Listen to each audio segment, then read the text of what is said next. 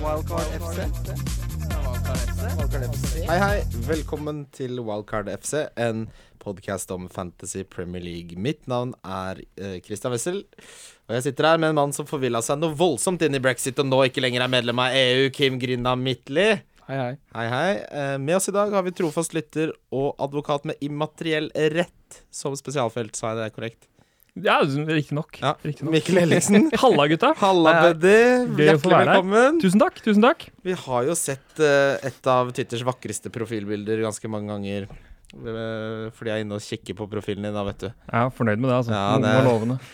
så det har vært en god og lang uh, fantasy-prat gående der. Så det er veldig hyggelig å få ha deg med her i studio. Veldig hyggelig å få være her. Stor fan.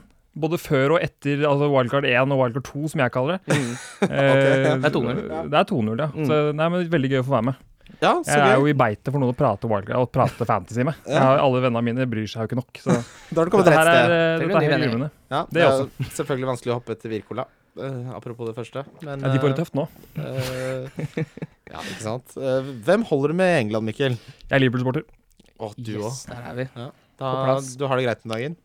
Det er, livet er eh, strålende om dagen. Det er, liksom, det er litt for bra, nesten. Så det, Må ta så vi får bare ned litt. ja, krysse fingra og seile så lenge det holder. bomme noe vold... Hva er det en immateriell eh, advokat Altså immateriell rett? Altså Hvis du skulle drite deg ut på jobben, hadde du da f.eks. immateriell, vil jeg da si Jeg vil jo anta at det handler om eh, rettsting som ikke er materielle. Nei, helt riktig. Det er ikke, ikke håndgripelige ting. Det er okay. varemerker og patenter og Intellectual property, f.eks. Helt riktig. Ja. helt riktig. Vi, vi, vi er redd for å bruke IP fordi folk ikke skjønner hva det betyr. Ah, Men det er det det handler om, ja. Så Så så hvis jeg driter meg ut, så er det ingen, ingen liv blir ødelagt, men potensielt mange penger som ryker. ah, Så hvis Beatles f.eks. levde nå, Ja. så har de en voldsom hit gående, og så blir den stjålet, den. Blir lagt ut gratis på Napster. Da hadde du kommet på banen. Ja, Da får du et sånt eh, sånn passivt-aggressivt strengt brev av meg, og så får du tre uker frist til å kutte ut, eller så smeller det. Jeg ikke så kommer namsmann. Eh, Ja, vi må innom retten og sånn først, da, men vi kommer dit til slutt. Vi kommer dit til Ja, ja, slutt. ja. Namsmann kommer. Ja, men du holder med Liverpool i England, det er bra. Vi skal ikke ha noen namsmann på denne podkasten. Det er noe uoppgjort gjeld i rommet her, det merker jeg ja, jo. ja, liksom. ja, det er klart det. Det, er klart det. Eh, hvordan har fantasy-sesongen gått hittil, Mikkel? Du, Den har gått eh, helt greit, egentlig. Jeg ligger sånn 240 000 eller noe sånt nå, som i mine øyne Jeg bruker jo usannsynlig mye tid og får det egentlig aldri sånn veldig til. Så alt innenfor liksom 500 000, da tenker jeg at da går det helt OK. Eh, liksom, de, de fløt godt der en stund, og så hadde jeg litt utur nå inn mot den, eh, denne dobbeltrunden med wildcardet. Surra litt og fikk på Iborra som røk på en skade. og litt sånn I Borra? Ja, surr. Han- Ja, trengte en liten budsjettløsning er- der. Han skadefri er jo olje. Ja, det, er- altså, du, eh, det var en grunn til at han kom på, da. si Sånn. Jeg liker at du måler Nei, det gikk litt dårlig etter at Ibora ble skada. Det var da det rakna. Altså, hvis ikke sesongen rakner med Ibora, så, det, så ja, ble ja, ja. bare skada. Ja, ok, Så to, rundt 250 000 ish. Ja, så jeg sikter jo mot Jeg tenker at 100 000 er, er mulig ennå, da. Hvor mange chips har du ennå? Jeg er på free hit nå, Ja. eh, Uh, og så er det passer bra. Det er du òg, Kim. Mm. Det er mye free, mye free hit for de som er så heldige å ha det selvfølgelig i denne episoden. Vi kommer voldsomt tilbake til, eh, til hvordan man skal spille free hit-kortchipen i løpet For det er min favoritthistorie i løpet av sesongen, er hvordan du spilte free hiten din. Ja. Eh, bare for å få nevnt det. Det, jeg, det, er, det er kanskje sånn man ikke Det er ikke det, det du ønsker å gjøre med den, kanskje. Nei, altså det, det ble jo rett og slett en utgift i forbindelse med dette som har blitt en, en, en jobb, da. At den ble spilt. For de som ikke har hørt den historien, så skal jeg si det veldig kjapt. Vi lager rundslag eh, hver, hver runde, jeg og Kim. Har en egen konto for det. Eh, Jeg glemte da å logge inn på den, som var fortsatt inne på min, og hadde da minus 40. Eh, trykk banka inn. Det var ikke noe vei utenom. Så da måtte free hit spilles en ensom gameweek sånn midt i når du ikke trenger den i det hele tatt. Da ble det spilt. Mm. Um, men OK, 250 000. Sikte på topp 100 000. Spiller Freed nå. Det er et godt utgangspunkt. Hvilke prinsipper eh, har du når du spiller eh, fantasy, Mikkel? Jeg har blitt en helt ny fantasy-spiller i år, og så har jeg ikke lykkes sånn kjempemye, så det var jo sikkert ikke noe poeng i det. Men eh, jeg har alltid vært en litt sånn utålmodig, trigger-happy fyr. Veldig glad i å gjøre ting. Jeg, liksom, hvis jeg er usikker, så bare gjør jeg det. Så jeg tenker at Det er sikkert Det føles veldig sånn tilfredsstillende der og da. Mm. Men i år så har jeg vært, igjen, eh, ja, i år så har jeg vært veldig, sånn, veldig tilbakeholden med alt av hits og vært utrolig prøvd å være tålmodig. Og det er egentlig det er egentlig de gangene jeg har vært tålmodig, at det har betalt seg. Så jeg tror kanskje det er lærdommen jeg tar med meg. Altså. At uh, slutt, å, slutt å være så fryktelig ivrig. vi begynner nå, Kim, og har spurt ganske mange som, som gjør det bra her på podkasten. 250 000 er jo OK, det er ikke bra, men uh, Jeg liker at vi, det er kategorien bra nå, det er greit. Nei, Ja, ja. men det er såpass, det så er såpass mange som, som gjør det dårlig denne sesongen at man må si at det er ganske bra. For jeg kjenner mange som gjør det veldig dårlig. Men, men det som er Og det er konsensus, altså. Ta det litt rolig, ja. Vær tålmodig. Ja. Tenk deg hvor mange ganger jeg har henta spillere som hadde vært jævlig bra hvis jeg bare hadde hatt de to-tre runder til. Men jeg var alltid litt for kjapp på avtrekkeren. Mm. Så det, det har jeg lært nå. Jeg har lært det siden jeg er X-Fill, liksom. Du blir så skummel neste sesong. Fy Å, faen, det kommer til å bli månelyst. Hvis jeg spiller, da. Vet ikke om jeg orker. Nei da. Så lenge du lager podkast, så trenger du ikke å spille for min del. Det er, det, vi skal prøve å få til begge deler. Uh, rundens wildcard-trippel er en troika med bortekamper. Fy da. Som uh, vi har Hvem har satt opp den? Ja, for den er- Rett og slett Sist gang så ville jeg ha med City på boggen. Og da overtalte Kim meg til å ta Spurs. Jeg ville ha med Arsenal Det er Newcastle som slo Arsenal, for jeg trodde Arsenal kom til å ryke på en smell her. Mm. Så jeg har rett og slett fått ansvaret for hele denne boggen med tanke på at eh, jeg ble snakka ut av to, to vinnerspill der. Mm. Kan jeg få tippe, eller hvis det er tre bortekamper? Det er helt uh, Altså tre? Absolutt helt korrekt. Ja. Jeg, kan tippe at det er, eh, jeg tipper at dere har tippa at Palace slår Watford. Det er helt korrekt. Og så tenker jeg at dere kanskje har spilt Liverpool, men den oddsen er helt håpløs. Nei, så vi lar det er helt riktig. 1,53 fikk man i Er det sant? Ja, ja. Er det det er noen bookmakere som stoler på at de skal hvile fælt, tror jeg? Ja. Skal vi tippe Newcastle? Er det, ja, det er jo helt riktig. Kom igjen, da. Tre av tre. Mm. Bing, bang, bing, Og bang, bing. den eh, er jo da Du kan jo få lov til å gjette den boosta oddsen også, da, som Mikkel, siden du er så voldsomt treffsikker. Jeg kan gi deg, den- jeg kan gi deg et hint, da. Den er 1353 i utgangspunktet. Så er den jo boosta, selvfølgelig, i samarbeid med våre venner i Norgepet. Ja, da får du 15, da. Vi får 16. Oi, oi, oi. Ja, den kan spille. Ja, det, det er spillbart. Jeg føler den er spillbart. Spill med to L. Kom igjen. Ja. vi skal videre til runden som var. Wildcard FC. Wildcard FC. Runden som var eh, må først starte med at eh, vi er fullt klar over at runden fortsatt pågår. Eh, men vi valgte å lage en podkast nå sånn at man egentlig strengt tatt kan forberede seg best mulig til 35. Eh, da blir det snaut med tid hvis vi skulle venta til 34 var over. Men vi har mange ferdigspilte kamper. Og så skal det sies at det er bare Burnley som spiller neste runde, av de kampene som er igjen. Ja, det var det vi også tenkte, ikke Ja. sant. Så vi, vi skal analysere så vidt uh, de som har vært spilt, si litt hva vi tror om uh, hvilke følger det kan få nå inn mot sesongslutt. Men det, er, det, blir, det blir i hvert fall en podcast. Det virker sånn. Um, Southampton mot Chelsea. Den så ikke jeg starten på, for da lå jeg på hotellrommet og slappa av litt. Rett og slett. Har du vært ute og reist? Ja, vi har vært der litt av tur i London, men Southampton gikk jo opp til to måls ledelse der. Uh, Chelsea henta seg inn. Hazard skåra for første gang på lenge. Mm. Hadde fire skuddforsøk også, for første gang på lenge. Uh, William hadde seks sjanser skapt. Seks på unge William. Mm. Og Alonso skulle blitt utvist for voldelig oppførsel. Ja. Og det er han charga for nå. Jeg så det. Så det er jo spennende å se hva som uh, Han får til de, ja, de tre Altså, kampene enten, får enten så klar, den. Han vedtar enten den, eller så klager han, og da får han en til. Mm. Eh, Du slipper ikke unna den der. Men, Når- men om han så kla eller om han leverer et tilsvar, en klage, eller hva det er, så, så han får ikke utsatt uh, suspensjonen allikevel. Han kan ikke trenere det, liksom, med å klage. Nei, for den her tror jeg, sånn som jeg har forstått regelverket, så er denne så tydelig at da blir det sett på som en frivolous appeal. Ja. Altså at du uh, gjør det for å forkludre prosessen, og da, for- ja. og da gir det deg en ekstra Men da kan han jo potensielt spille mot Burnley. Ja, men det, så spørs det hvor fort de behandler den klagen. da Ja. Jeg vet ikke om det er en satt uh, behandlingstid på det. Vi har i hvert fall fire timers svartid på da jeg jobber. Vi får se. Den er sur, altså, for sånn Alonso-eiere som meg, som har sittet på nå i. Siden jeg wildcarda i 30, 32, eller hva for noe? 30? 31? 32? Ja. Han er jo For han, jo, han skulle jo hatt en hel masse poeng. Det er jo Ja. riktig valg. Du Ja. skulle jo ha Alonso. Det Mm. syns jeg er det, det mest frustrerende av alt. Altså, og for så vidt mot, eh, mot uh, Southampton også. Samme gjelder jo William nå, for de som sitter på William. Det er Mm. jo det er, Du må tenke som pokerspill. ikke sant? Det, er ikke, det handler ikke om å være så resultatorientert, egentlig, for det var det riktige valget. Ja, ja, ja. Du skulle ta William, og du burde tatt han igjen. Og det Analysen før var jo god. Ja, ja, det var helt konge, det. Men det hjelper jo ingenting, det, selvfølgelig. Men, eh, og nå, hvis Alonso ryker ut der, må jeg bruke bytte der, da. Ja, altså, det er, her- her For meg, da, så var det, det tenker jeg, litt sånn uh, dråpen som får eh, et allerede fullt beger til å renne voldsomt over. Nå, vel- nå hvelver koppen.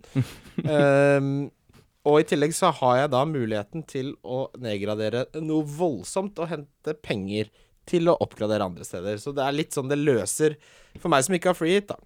Ja. så løser det en, en utfordring nå i 35. Mm. Uh, men uh, hans takk for denne sesongen, Alonso. Fy faen, nå er det nok. Ja, Det blir ikke noe tilbake inn til 37 der, selv om han selvfølgelig, for de som vil sitte i den uh, spanjakkbåten der fram til neste runde med double, så kommer han til å spille de to, for han har ikke suspendert i de. Eh, men det å ha det på benken nå så lenge framover, det kan, det kan da ikke være smart. Nei, det tror ikke jeg heller. Uh, nå ville jeg nok fått han ut, ja. Uh, Hazard scora Er det nok ikke mange som gikk han. Jeg syns ikke det er ja, Jeg ville fortsatt ikke drevet og vurdert han fremover nå. De få jeg så hadde han inne, skulle spille triple capen bare for å liksom kjøre helt 100 bajas. Diffe litt, ja. ja Mm, som vi prøvde med Sanchez. Det gikk jo kjempebra.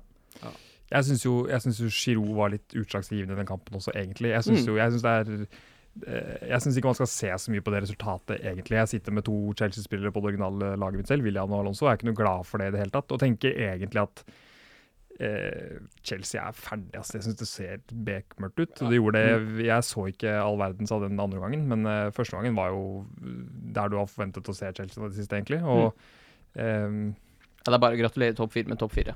ja, ja, det er jo ferdig. Mm. Ja, Det syns jeg også. Og det, ser, det virker jeg, Det lukter råttent av Chelsea, syns jeg. Altså. Så jeg tror liksom de må bli ferdig med sesongen og få ut konto og begynne på nytt. Det er jo det vi har diskutert egentlig i de siste podkastene også. Er de ferdig? Er de ferdig?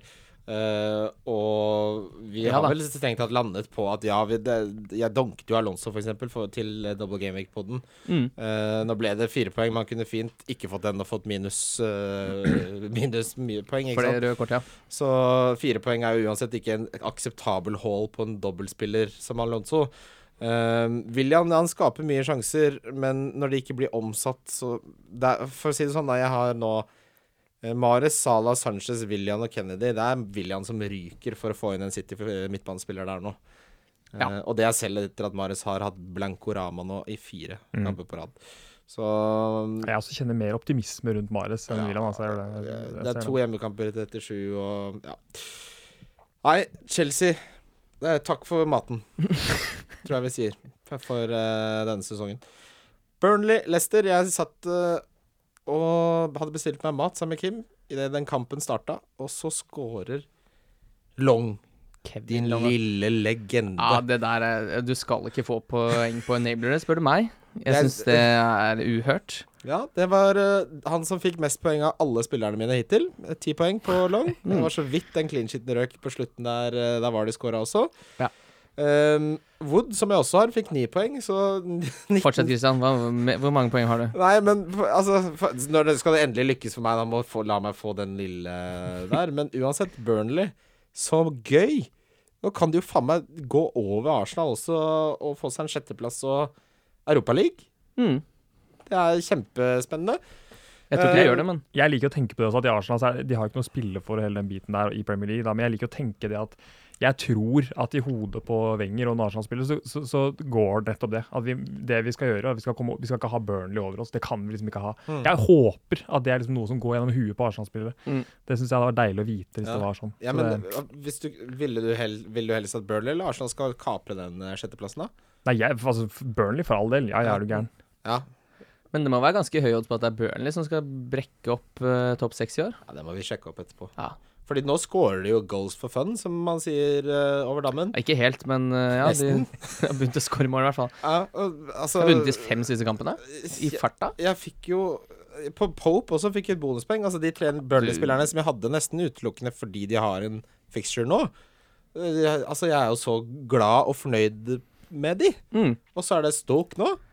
Ja, det er jo veldig en av Eller de tre da, er jo noen av veldig få spillere av de som har double gaming, som fikk noe ut av første kampen. Ja. Nei, Burnley har uh, fått en plass i mitt hjerte, og Long, hvis du fortsatt treff, trenger en uh, billig forsvarsspiller Nei, Trent Alexander Arnold er vel kanskje mer spennende akkurat nå, men uh, han, du må f Long ene sist, ett mål de to siste. Fire, fire millioner. Hei, hei. Mares derimot blanket igjen. Det er Mm. fire blanks på rad for unge Riyad.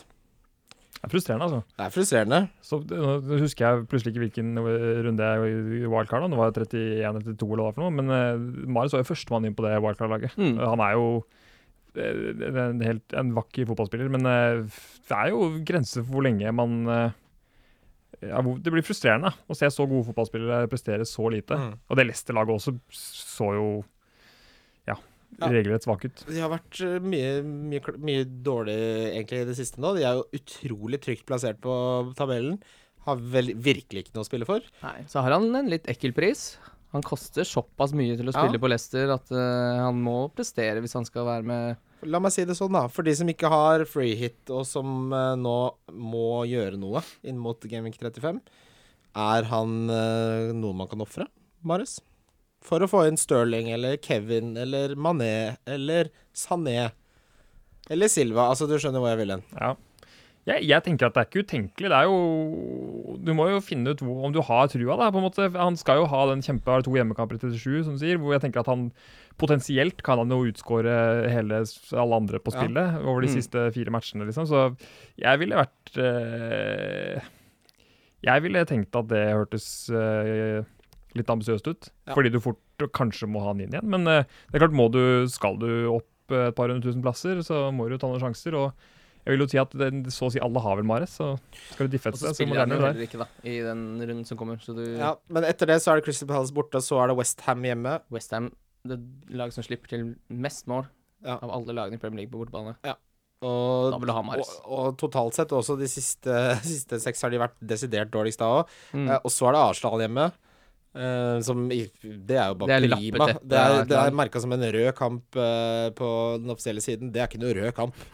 Arsenal skal slippe inn de måla, de. For faen. De burde justere den fargekoden underveis. Ja, det hadde men- gått Ja, de gjør det. De gjør det, Ja, egentlig. Ja, men uh, de har ikke Ja, da skulle de i hvert fall ikke vært det. de, de har begynt å dra på stranda og bestille reise, vet du. Har ikke tid til nærmer seg ferie nå. komme seg Mm. til Granca. Nei, men det, han har jo en kamp mot Southampton hjemme som jeg med godt der, altså. Fordi fem langs på rad, det da begynner det å bli det synes jeg, da, da begynner det å bli for dårlig. Mm, jeg er helt enig. Eh, I hvert fall når City har Swansea hjemme, og det finnes mye annet spennende der ute. Crystal Palace slo Brighton 3-2. Tror du ikke det? Jo da, stemmer det. Og der har Sara skåra to mål. Hva kalte vi fyren? Saha? Ja, for du sa Sara, nemlig. Jeg hørte Sara, ja. Ja. Skal drive og mobbe den talefeilen jeg har på Sara hele tiden. Da. Han hadde tre skudd eh, på mål, Saha. Skapte to sjanser. Milivovic hadde to assist, skapte fire sjanser. Kan noen skru av det der Milivovic-greiene, for nå orker jeg ikke mer. Altså. Jeg har jo sittet med Milivovic det, ja. i en evighet. Og det, bare for å unnskylde meg selv, han, jeg tok han jo på som en sånn enabler for eh, Jeg hadde Ruben Loftus-Cheek tidligere i sesongen, alle hadde han, og så ble han Mm. skada lenge. Og så bytta jeg sidelengs i, i Palace fordi han var billig og han tok straffer osv. Men eh, eh, problemet er jo man sitter liksom og tenker at fy faen, de idiotene, de heldige idiotene som har hatt han så lenge. Mm. Men vi har jo benka han hele sesongen. Ja. Ja. Jeg har jo aldri hatt så mye poeng på benken fra én spiller en sesong noensinne som han. Han sitter jo alltid innerst på benken og får ti poeng hver eneste runde. Så det er nesten mer frustrerende for oss som har han, enn for dere som sitter uten. Ja, Ja, for det er ti goaler, to assist og fem clean shit. Det blir litt poeng og sånt. De to assistene kom jo nå sist. Han har jo ikke vært eh, vanligvis en kreativ kraft, unge Milivojevic, men eh, herregud, for en verdi for en så billig spiller. Ja, meningsløst. Eh, og statsene nå tilsa jo faktisk at eh, dette ikke var et blaff heller. Så vi får se. Det er spennende å følge med på fremover. Uh, Sa slår meg jo selvfølgelig som mer eksplosiv. Eh, har veldig bra stats siden han kom tilbake fra skade. Eh, det er blitt tre mål, to assist Uh, siden den gang. Det er ikke verst. Eh, Den spilleren som har gjort det desidert best under Roy Hodgson. Altså, altså, han ser ordentlig ordentlig god ut. og Det er sånn eh, Det er jo synd, for det gir ikke alltid fancy poeng, men jeg tenker at han er jo, han er jo i et litt sånn litt trist Crystal Palace-lag, må man få lov til å si. Så syns jeg jo han er si, ja. Mm. eh, Han er et lyspunkt og en eh, fotballspill jeg liker å se på, så det er gøy å ha han på, på fantasy òg. Mm. Han eh, er eid av færre enn man tror. 5,6% koster 5,9. Vi kommer litt tilbake til unge Wilfrid etterpå. Men eh, herregud, så spennende. Swansea mot Everton ble 1-1. Der har jeg ikke så mye å si. Ikke? Huddersfield, Watford eller åpenbart. Jeg, jeg har skrevet, jeg har notert her Mariappa lå an til tre bonus før han slapp inn, og så slapp han inn. Det er oppsummert. Ja, Tobin skåra for første gang hele sesongen, tror jeg. Han, husker du han skulle ha han i preseason? Tom Ja, det var veldig var, mye snakk om Tom. Ince. Altså, Han har to skru av skåringer Han. Ta en svenskeknapp på han der, da. Få det vekk. Nei da, jeg skal slutte å kødde sånn. Men uh, hvor mye er det å snakke om? Huddersfield ser ut som de får fornya Premier League-kontrakt. Det er jo ganske sjukt. Det var det ikke mange som hadde trodd. Nei, absolutt ikke. De kom jo De var ikke sånn de valsa seg gjennom championship og rykka opp i Premier League. Nei, Og de har ikke akkurat hatt rå form eh, den siste tiden heller. De lå jo på nedrykksplass, og det så ikke pent ut. Den seieren er, eh, er jo enorm for de, selvfølgelig. Mm. Um, Swansea Everton Altså Everton uh, tillater så mange skudd mot slutten av kampene at det er helt vilt. Uh, de prøver ikke å score heller, stort sett, uh, etter en viss tid. Jeg så De slenger inn en tredje midtstopper. Ja, jeg så fansen har jo snudd totalt mot Det eneste de sang hele kampen mot uh, si, var 'fuck off Biggie Sam', liksom. Det, det var det. Uh, Ja, nei, altså De prøver jo å sikre 1-1 der, da, når de Ja, gjør det byttet Men de har null å tape. Altså, Mm. De har null å tape, og så skal de prøve å unngå å, å, å, å Men det er jo en fuck off fra Sam Alders til, eh, til eh, fansen. Bare sånn, sånn spiller jeg fotball. Dere kan stå der og rope hvor mye dere vil. Dere valgte meg. Ja, dere Ja. valgte meg. Nå blir det nå, ja, var det blir en tredje midt... Skal ha midtstopper inn her, jeg. Ja, Du går og bestiller kjøtt og poteter, så får du kjøtt og poteter, så vil du ha kebab. Ja. Må skjønne det. Ja. Liverpool Bournemouth. Troikaen scora. Firmino mal Jeg sier det litt mye nå. Litt, litt inflasjon i troika. Bytter Troika og rysere har jeg merka meg. Ja, Rysere er sterk tilstedeværelse i programmet. Jeg liker det. Ja. Jeg synes Det er sterkt ord. Jeg liker det innmari godt. Det er så det er trøkk i det, Det liksom. er rys i ryseren, ja. Ja, ja. Ja. Men uansett, Tror det blir rom til Liverpool skårte. Mané, Salah, Firmino. helt korrekt. Um, Salah er bra fotballspiller, han. Ja, Han er ikke så gæren i fotball, ikke faktisk. så voldsomt dum, nei. Trent Alexander Arnold da, til 4,4. Eh, et sesong. scoop. Nå er jo Klein litt småskala igjen, så jeg. Så da blir det jo Gomez er ikke tilbake igjen. Lang er jo Gomez tilbake er tilbake kjappere i enn hvert fall. Men Ja, man skal jo ikke spille til helga. Nei. Så da blir det Trent på høyre, da. Og jeg tror Liverpool og City er de to eneste som holder nullen den runden som kommer. Jeg, jeg, jeg skal bytte Alonso, åpenbart. Han slår meg som det beste alternativet der. Hmm. Ville du hatt ham på bekostning av en av eh, Mané og Firmino? Det blir jo det, da. Ja, jeg tror jeg vil ha han på bekostning av Firmino, for jeg syns det er bedre alternativer på de andre lagene, kanskje på spissplass, enn det er på midtbane. Jeg syns at eh, Alexander Arnold er et veldig bedre valg enn Robertson til denne runden. i hvert fall. Jeg ville vært litt bekymret for Robertson. Det er, det er, folk er fryktelig uenige om hva Klopp kommer til å gjøre. Jeg tror ikke det er noen grunn til Mm. at han skal hvile masse til denne kampen, men det er jo eh, Nei, nå har de jo spilt, nå har det gått en hel uke siden forrige Ja. kamp, så de har jo fått nok av hvile, de gutta. Ja, så kan de jo hvile mot Stoke neste isteden. Ja da. Før retroppgjøret. Ja. Mm. Men jeg ville, jeg ville i hvert fall tenkt at, uh, at uh, Alexander Alern er sikrere i det laget enn Robertson er nå. Moreno kan få en match. Ja. Jeg tenker ser ikke det som utenkelig. Så. Ja, Han er safere og billigere, og har hatt en periode nå Ja, plutselig spilte jo Klavan uh, venstreback mot Everton, liksom. Ja, men fy faen for en periode Alexander Arnold har hatt denne sesongen nå med, med kampene mot City, hvor han var en bauta beist. Uh, fin assist nå til Salah sist. Mm. Det, til 4,4 slår meg som du, Har du Alonso, må kvitte deg med han. Hent uh, trente gutta. Det eneste er Hvis man skal gidde å være litt, eh, litt eh, strø litt, uh, altså være et lite score i gleden her, da, så er det jo Hvis man skal tenke neste runde igjen, hvis du ikke er på free hit, da, så tenker jeg at eh, Arnold fort kan hviles i den Stoke-matchen.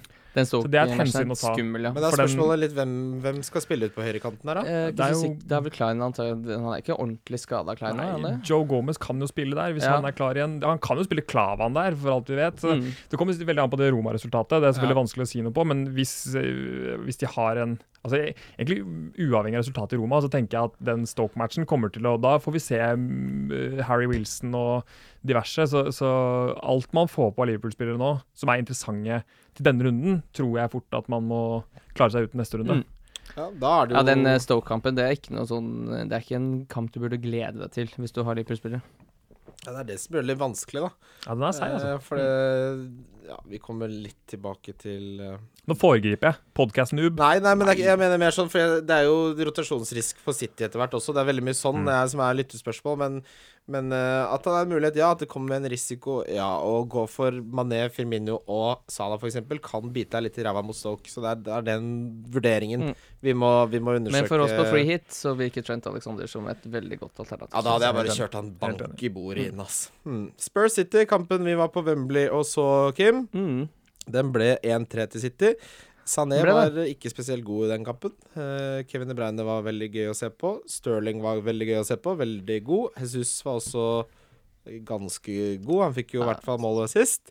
Um, Ja, er det én spiller jeg skal ha på det free hit-laget, så er det Nei, nei, nei, det er Jesus. Nå som Ja, Aguera er ute. ja, ja. Da er Jesus For- så spikra. Vi må jo nevne nå at uh, Aguero har operert menisken Mm. og er ute i fire uker ish. Så Jesus nå, han kan du ha uten å tenke på at Aguero kommer til å spille. Og egentlig da utover det free hit uh, Ja, ja, resten av sesongen. Utover uansett. 35 Vi De har en fantastisk dobbeltgaming der. Ja. Hvor jeg egentlig bare sitter og håper på at Aguero skal bli skada. Eller Jesus. Livet Ja, er blir litt lettere når én Ja. er skada. Sånn, Mm. altså. Men uh, fordi den uh, dobbelen til, til Manchester Ja, den er fryktelig. Skal vi snakke om den? For den har Huddersfield hjemme og Brighton hjemme. Stort bedre blir det ikke. Nei, et Huddersfield som kanskje allerede har sikra plassen. Og som har blitt rundspilt uansett om de ikke har det. holdt jeg på å si. De, det er jo ikke sånn de klarer å motstå et pep-lag. Nei, den uh, og Brighton som er så dårlig borte, kjør det på. Det virker som uh, For ja. Hadde jeg hatt muligheten til å ikke spille benchbus der men triple capen, så hadde jo den gått på en City-spiller. Kanskje da aller helst Jesus. For jeg skal jo ha Jeg har benchbussen igjen. Det er det jeg har igjen. Jeg tenker nå at de byttene jeg gjør for 35, må spille nå, og de må ha double 37. Ja, Så- åpenbart. Åpenbart. Så konklusjonen min er jo strengt tatt at jeg kommer til å hente tre City-spillere. Ja. Uh, Så da er mitt spørsmål hvilke tre City-spillere ville dere hatt i rangert rekkefølge? Ja, Da må jeg starte med eh, Jesus, Jesus da, som eh, Du må jo ikke det, du kan Nei, men det, det er mitt klare førstevalg. I hvert fall nå med Jeg var usikker på Aguero. Jeg satt og, og gjorde litt forarbeid her i dag, så var jeg usikker på Aguero, men så så jeg nå at det ble bekrefta med operasjonen, så det, er jo det, det mener jeg at det gir seg selv, i hvert fall. Ellers det er jo Som Liverpool-supporter så smerter det meg å si det, men jeg, jeg jo til å måtte ha Stirling, i hvert fall på freehit-laget, antakeligvis inn mot 37 også. Mm. Det er jo en vurdering om man skal ha han eller Sané for min del, og det er jo helt vilt hvordan Sané kan være en så mye bedre fotballspiller, men være en Ja. så mye mindre interessant fantasy-spiller. Ja, det er helt vilt. Han er mye mer Eh, ute av form også. Det er, ja. mye han, får det akkurat ikke til. Det så vi mot eh, Ja. Spurs også. Men det er det, altså Stirling får det akkurat ikke til, han heller, men så får han det også akkurat til. For han får sånn sjanser nok til å gjøre begge deler. Mm. Det er jo det er helt spinnvilt uh, hvordan det er. Hvis Jeg sa det samme da han var i Liverpool. Jeg, han, er jo, han, han har jo kanskje Premier Leagues dårligste avslutningsteknikk, Ja. men når du, har de, når du har den farta og så gode innlegg som serves på deg, så det er klart at eh, statistisk sett så går jo noen i mål, for de treffer foten din på riktig sted, liksom. Så, Men han- er veldig god til å finne medspillere og ha assist. Ja, og når han, når han kommer seg ned på kanten, når Mm. han skal da legge 45 inn i boks, så treffer han stort sett alltid medspiller. Så der er han jo helt klink. Han er livsfarlig. Det, når, når han kommer innenfor 16-meteren og stopper spillet helt, Mm. og venter på å utfordre, så ser du jo det hvite øyet til den forsvarende spilleren. Han hadde fire skudd innenfor boksen, skapte to sjanser for medspillerne sine, og hadde to store sjanser Mm. mot uh, Spurs. Så altså, det er en no-brainer. Ja. ja, han er på mitt uh, free hit-lag, ja. Ja. Um, Og den tredje er Kyle Walker, bare for å gå på det. ja, for det det, det er det jeg ville frem til. Ville du valgt da enten Kevin De Bruyne eller David Silva eller Sané, eller ville du valgt en uh, forsvarsspiller fra City som tredjemann, da? Jeg tror jo at City holder nullen mot Swansea hjemme. Og da får du seks poeng på Kyle Walker, da. Ja. Minimum, Ja, eller og Pluss litt plutselig får du sist, da. ikke sant. Eh, så da er spørsmålet hvem skal man da få inn? Ja. Kevin De Bruyne syns jeg er altfor dyr til å skulle ha på et lag hvor jeg uansett da skal ha to offensive City-spillere i tillegg. Har du sett uh, assist-statistikken til De Bruyne på hjemmebane? Her kommer han. Ja, den er de, desidert flest. Han har 14 assist på hjemmebane. ja, Det er helt ballagarba. Jeg har, dette er bare eh, ren spekulasjon og, og Det det heksekunst òg, men jeg har en sånn e- ekkel følelse av at, eh, at Silva fort kan få litt sånn fri nå. Det er noe med det bildet etter de vant der, og han eh, nyfødte, Ah. veldig tidligfødte sønnen og sånn. Og, det, det, jeg har han få tid med familien, jeg har overhodet ingen kilde på det, men jeg har en sånn uggen magefølelse på at eh, Pep fort sier at dra hjem til Spania og heng litt med, med kiden din Og som Det er er en god feeling, det. Men det Så- er jo Unnskyld. Fortsett. Ja, det er en kjempegod tanke. Har ikke jeg tenkt på heller. Nei, ikke heller. Det er, det er ren, det er ren spåmann, men uh, hvis du treffer, det er gøy, da. Ja. Altså, men så er det, jeg tror det er sikkert litt den vurderingen Er Silva en som kanskje da trives best med å spille fotball? Gjør det han pleier? Eller er det sånn Jeg, jeg tror når noe sånn, når sånn har skjedd, så vil du kanskje helst være hjemme med familien. Ja, er, det er vanskelig. Så City har kunnet klare seg uten Silva tidligere også. Så Det er klart at det er ikke, noe, det, er ikke det at, at serien nå er avgjort og at de ikke har noe å spille for. Det er, klart, det er ikke sikkert det er utslagsgivende, men, eh, men eh, Det er noe å vurdere. Jeg, det, det alene egentlig gjør at jeg da ville valgt fire foran han. Mm. Fordi jeg, synes, jeg tenker at det er sannsynlig nok til at Altså, nå kan du gå og fokusere på familien, liksom. Ja, den øh, Jeg synes jo bare nevne noe, Hvis man skal diffe litt defensivt i City, så syns jeg at Kompani faktisk også er et litt spennende pick nå. Fordi Ja. at det, er- mye rotasjon på de stopperne. Nå var Otamendi ute sist, men jeg tror at Pep kommer til å ville spille Kompani på Etiad etter at de har tatt hjem eh, serien, og han er kaptein ja, og han er sjefen. garantert mot Swansea. Så jeg er ganske sikker på at han får den Mm. matchen. Og, og han, er liksom en, han er en mann for store anledninger, så at han, eh, at han kan Han er jo en bonusmagnet òg når han spiller 90 og de holder nullen, så Fikk og han kan, bonus nå, og den sist, og skåra før det igjen. Så jeg, så jeg tenker at det, hvis, jeg tror de, første, de fleste går til Walker, så hvis du skal skille deg ut litt, så, så tror jeg ikke Kompani er et dårlig valg. Mm. Nei, nå gjør jeg det kun egentlig fordi jeg har råd til å gjøre det på eh, freehitet mitt akkurat denne runden. Men eh, til Ja. eh, neste dobbel så tror jeg nå kanskje Company er et godt, eh, det er Ja. godt valg, ja. Otamendi som har starta absolutt alle kamper bortsett fra én før nå. Han hadde tre store feil eh, i Champions League og i ligaen nå. Som Ja. Det var derfor han ble droppa, mm så Mhm. hvis folk lurer på det. Eh, Laporte har eh, gjort det bra når han har fått muligheten. Det er en John Stones som ikke inn i bildet, men han driver og lurker utenfor Han er helt kald, ja, helt ute han. Mm. Han er ikke skada, erne, han Han er bare ferdig. Eh, Helt uh... 50 millioner pund, har han ikke? Jo da. Ja da, men han kommer nok inn igjen. Det, han, Ja, han tror jeg. jeg tror han er litt sjøsyk. Det er noen som har det òg. Newcastle, Arsenal. Der er det. 2-1. Ayose Perez har sin, eh, en av sine beste perioder i sin Newcastle-karriere, hvor han faktisk har vært en stund. Uh, kjøpt fra Tenerife E, sier noen. Jeg sier Tenerife. Jeg vet ikke, jeg er psycho. Uh, Auba fikk en assist. Lacassette scora. Um, Mm. Jeg hadde troen på at uh, Newcastle skulle slå Arsenal her, for de har faktisk vært det femte beste laget siden ja, Nå husker jeg ikke siden når, men eh, det har tatt seg veldig, veldig opp. Mm. De har nå muligheten til å komme på øvre halvdel av tabellen. De har en hengekamp mot Everton. Herregud, så gøy det er å være Newcastle-supporter når det går bra. Det er, og det er bare Benitez sin fortjeneste. Det er selvfølgelig spillerne som spiller om. Han har da heva så mange spillere som ikke har noe å gjøre på det nivået, egentlig. Dummet har ikke noe på å gjøre på det nivået. Han henter en keeper fra Sparta Prag.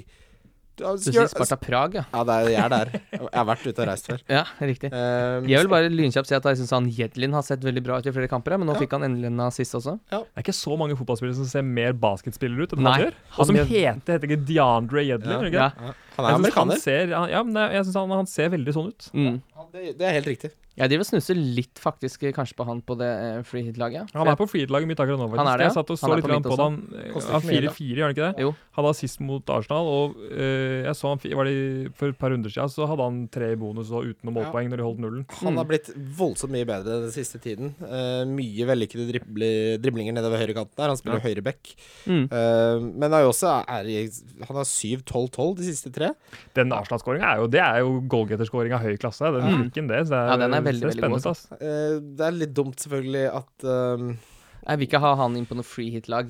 Eh, såpass Da blir det litt sånn Det er litt bikkjeslagsmål om de offensive plassene. hans Et- Han får ikke den. Den er ikke rå, den doublen til Newcastle heller. Det er Watford borte, som er jo er, Det er jo helt uh, klinkekule tre, tress i sted, Men Tottenham borte er ikke det. Men eh, de har West Bromwich hjemme rett etter Everton- Everton-kampen nå. Så jeg har jo Kennedy og Lacelle, som jeg sitter voldsomt godt med. Mm. Um, og de har jo en dobbel i 37, da, så det er ikke helt ut, bort i natta hvis du trenger en billig spiss. Billig spiss. Jeg tenker at Peres eh, for min del er mulig et sted å diffe litt, faktisk. Jeg vurderer han alvorlig til, til dette uh, freehit-laget. Eh, da. Jeg har en Åssid jeg må kvitte meg med. Få det vekk. Skru det bort. det er gøy å sitte og vurdere Austin Perez. Liksom. Mm. Da er man dypt, dypt inne i fancyland. Ja, men det, altså, Austin er så klassisk meg signering. Jeg har ikke vurdert han i det hele tatt. For jeg sitter der og skal ta grep torsdag før vi skal reise til. Og så plutselig dukker han opp på rundens lagdiskusjoner, og så ser jeg at han scorer hvert hundrede minutt, og så blir jeg sånn hmm. Og så henter jeg han som en idiot. Og så selvfølgelig får han ett poeng, og selvfølgelig skal han rett ut igjen nå. Så det er jo ikke bare det ene poenget, det er jo kostnaden ved dette her. Det er, sånn, det er sånn når du tar ut 2000 på masteren nede i Syden, da. Det er ikke bare de 2000 det koster, det er 33% effektiv rente, det! Det har du ikke råd til! Men den levefølelsen er omtrent den samme. Ja. Når du fyrer på Austin der, og når du får de to lappene i hånda, det er liksom Mm, ja. Uff, Gå det er på deilig, altså. og hold kjeft og gi meg to Ja, fernet. ja, ja. Uh! Nei da. Eh, Aubameyang, da. Inn mot 35. Er han en must have? Ja. Jeg, syns vel det, egentlig. Det er jo vanskelig å si noe annet. Han, jeg syns jo det Arsenal-laget også ser jo høyst usikkert ut for min del. Han blir jo ikke akkurat øh, han blir jo ikke backa opp uh, akkurat. De starter med spillere jeg ikke visste fantes engang her i, mot Newcastle. Men- så Det jeg stussa litt på her, er jo at de skal da for pokker ha litt kamptrening, de gutta som skal få litt relasjoner inn mot den Europa League. Det kan jo ikke, de kan ikke gå De kan ikke spille én kamp på en måned fordi de skal spille Europa League. Nei. Øzil har jo stått over to ligakamper nå. Han må for pokker snart Han tror jeg starter den kampen til helga. Jeg tror Aubameyang kommer til å få mye bedre spillere rundt seg i den kampen.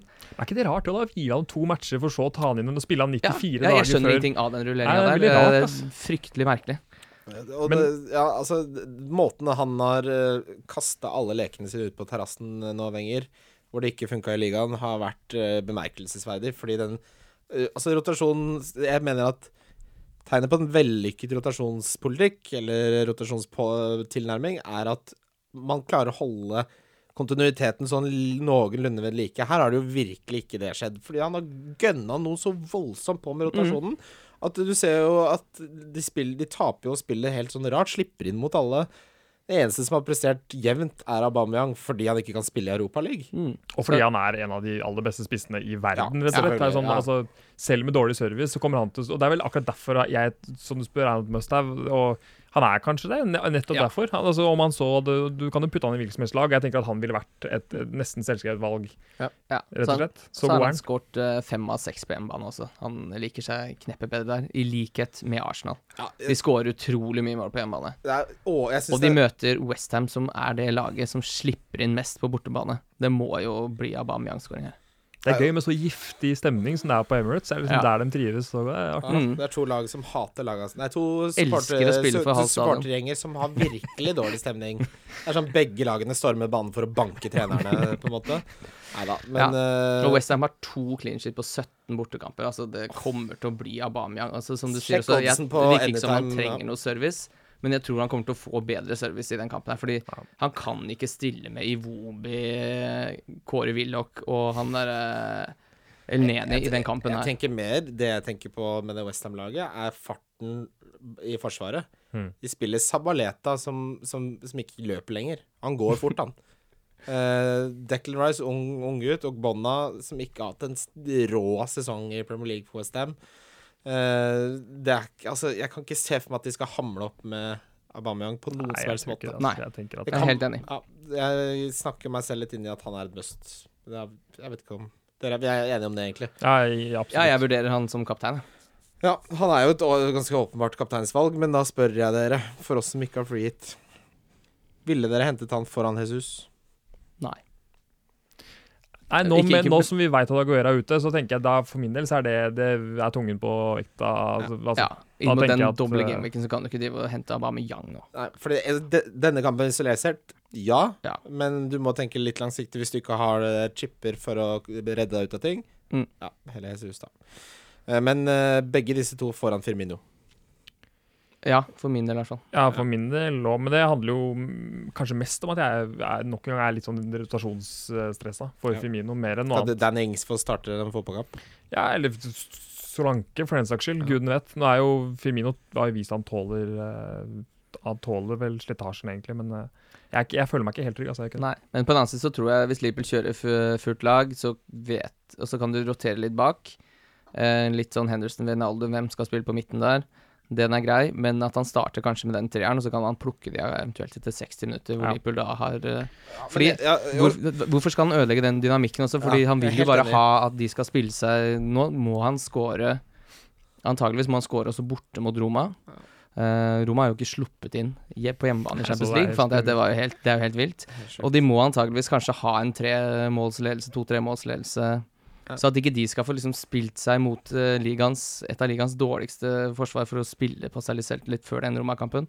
Altså, det ville jeg gjort, da. Mm. Og det, det virker som Klopp har en litt sånn tilnærming til rullering, mens Wenger har å bytte ut hele laget. Ja. Og Klopp har jo sagt det også flere ganger, at når han tenker rotasjon, så tenker han ikke på kampen som kommer, han tenker på kampen som er spilt. Mm. Det, jeg vet ikke hvor mye gimmick det er, men, men det tyder jo på at han ser på liksom, sli, altså, allerede oppstått slitasje, og ikke nødvendigvis tenker så innmari mye frem i tid. Nei. Så- og Liverpool har ikke spilt på en uke. Nei da. Så etter, etter, med, med tanke på den uh, rasjonaliseringen der, så, så burde han jo stille et sterkt lag her. Men som du sier, Mm. da tenker jeg at da skal du i hvert fall være klar over at du, du får ikke Mané, Salah og Firmino i 90 her. Nei, det nei, er nei, er jeg helt sikker på. Nei, absolutt ikke. Jeg har en morsom stat her som ikke har noe med Premier League å gjøre, men som jeg så Martin Sleipnes la ut, som jeg bare må nevne for dere. For det er en av de kuleste statsene jeg har sett. Bas Dost har for første gang siden mars 2017 og på det 45. forsøket skåra et mål som ikke er på første touch. Det er gøy. Er ikke det helt, helt sinnssykt? Bas Dost, er den gamle ubåtfilmen, er det ikke det?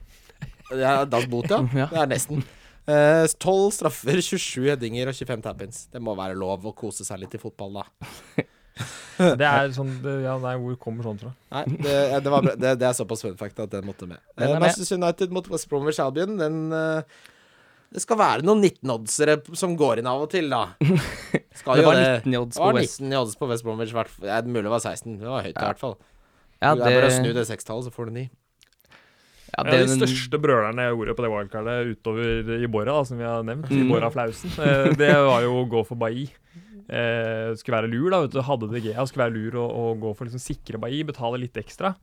Eh, og på en eller annen måte så er plutselig Bailly bakerst i køen der nå. Mm. Altså, de, de, han er ikke i, i troppen engang. Marcos Rojo sitter på benken, og Bailly finnes ikke der. Lindeløf er plutselig foretrukket til flere. Ja. Altså, Ja.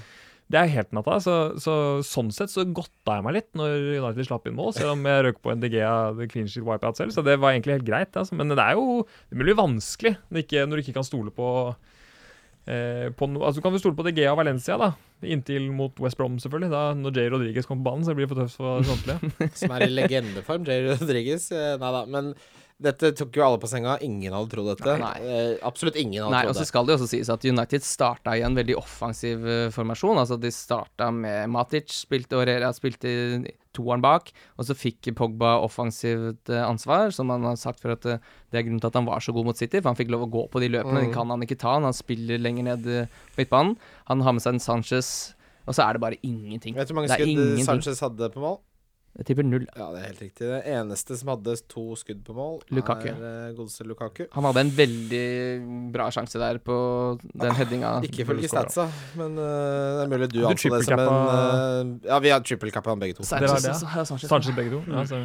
Eh, vi var jo med han som vant eh, Nordic Bet-konkurransen, som er det er vel 63 i verden, tror jeg, og, og to poeng bak han som leda i Norge. Han gjorde det samme. Mm. Eh, så vi håper det går bedre for deg, Anders. Liten shout-out der er i neste kamp for Manchester United. Men uh, dette var en bombe. United eh, Det skal jo ikke skje. Pogba er en spiller som det er umulig å ha.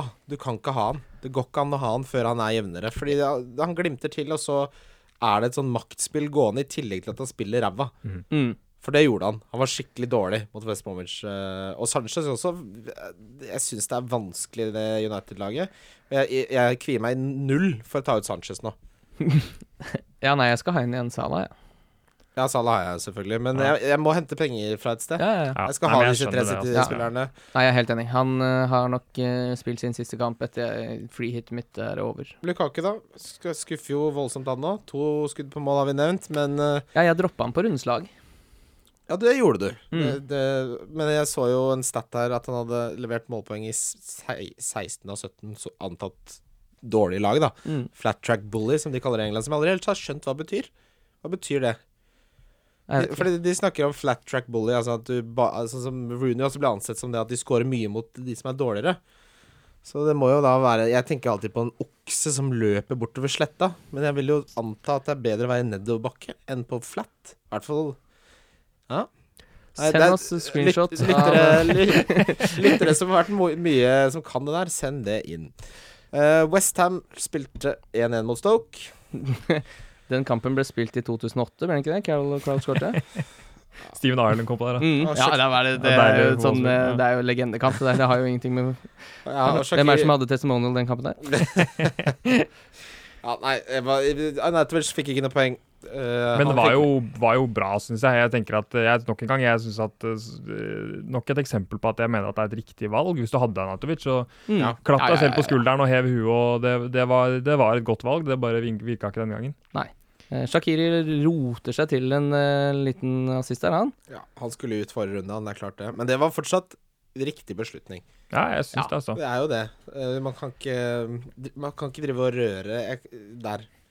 Jeg synes jo, ellers, jeg, jeg titta litt på det, og da ble jeg litt overrasket over Cresswell, som Ja. i fjor var en kjempefavoritt. Men Ja. han har sju assists denne sesongen her, i Mest det. Westham-laget, som er helt Det er flest av alle forsvarsspillere. Ja, ja, og det tok meg litt sånn på senga, og i hvert fall nå da hvis, hvis vi tror at Carroll er på vei tilbake i det laget. Hvis han skal få piske innlegg på Andy Carroll de siste matchene, så du, du kommer jo ikke til å få en særlig clean shit-poeng. Det gjør du ikke. Nei, men- nei, ikke sant. Det henger sammen med at de har spilt 34 kamper, og han har 8 clean shit. Ja. Så det blir, det, hvis det ikke er assist, så blir det stort sett Ja, ingenting, da. ja. Og han er jo han er jo kanskje for dyr til Ja, bare skulle gamble på de assistene, men om han Som sagt, om, om, om Carroll får en plass på topp der, så tenker jeg at uh, Cresswell kan, kan fyre inn noe Absolutt. Morsom, stat på Cresswell. Det var uh, fire spillere som hadde tre uh, skudd på mål uh, forrige runde.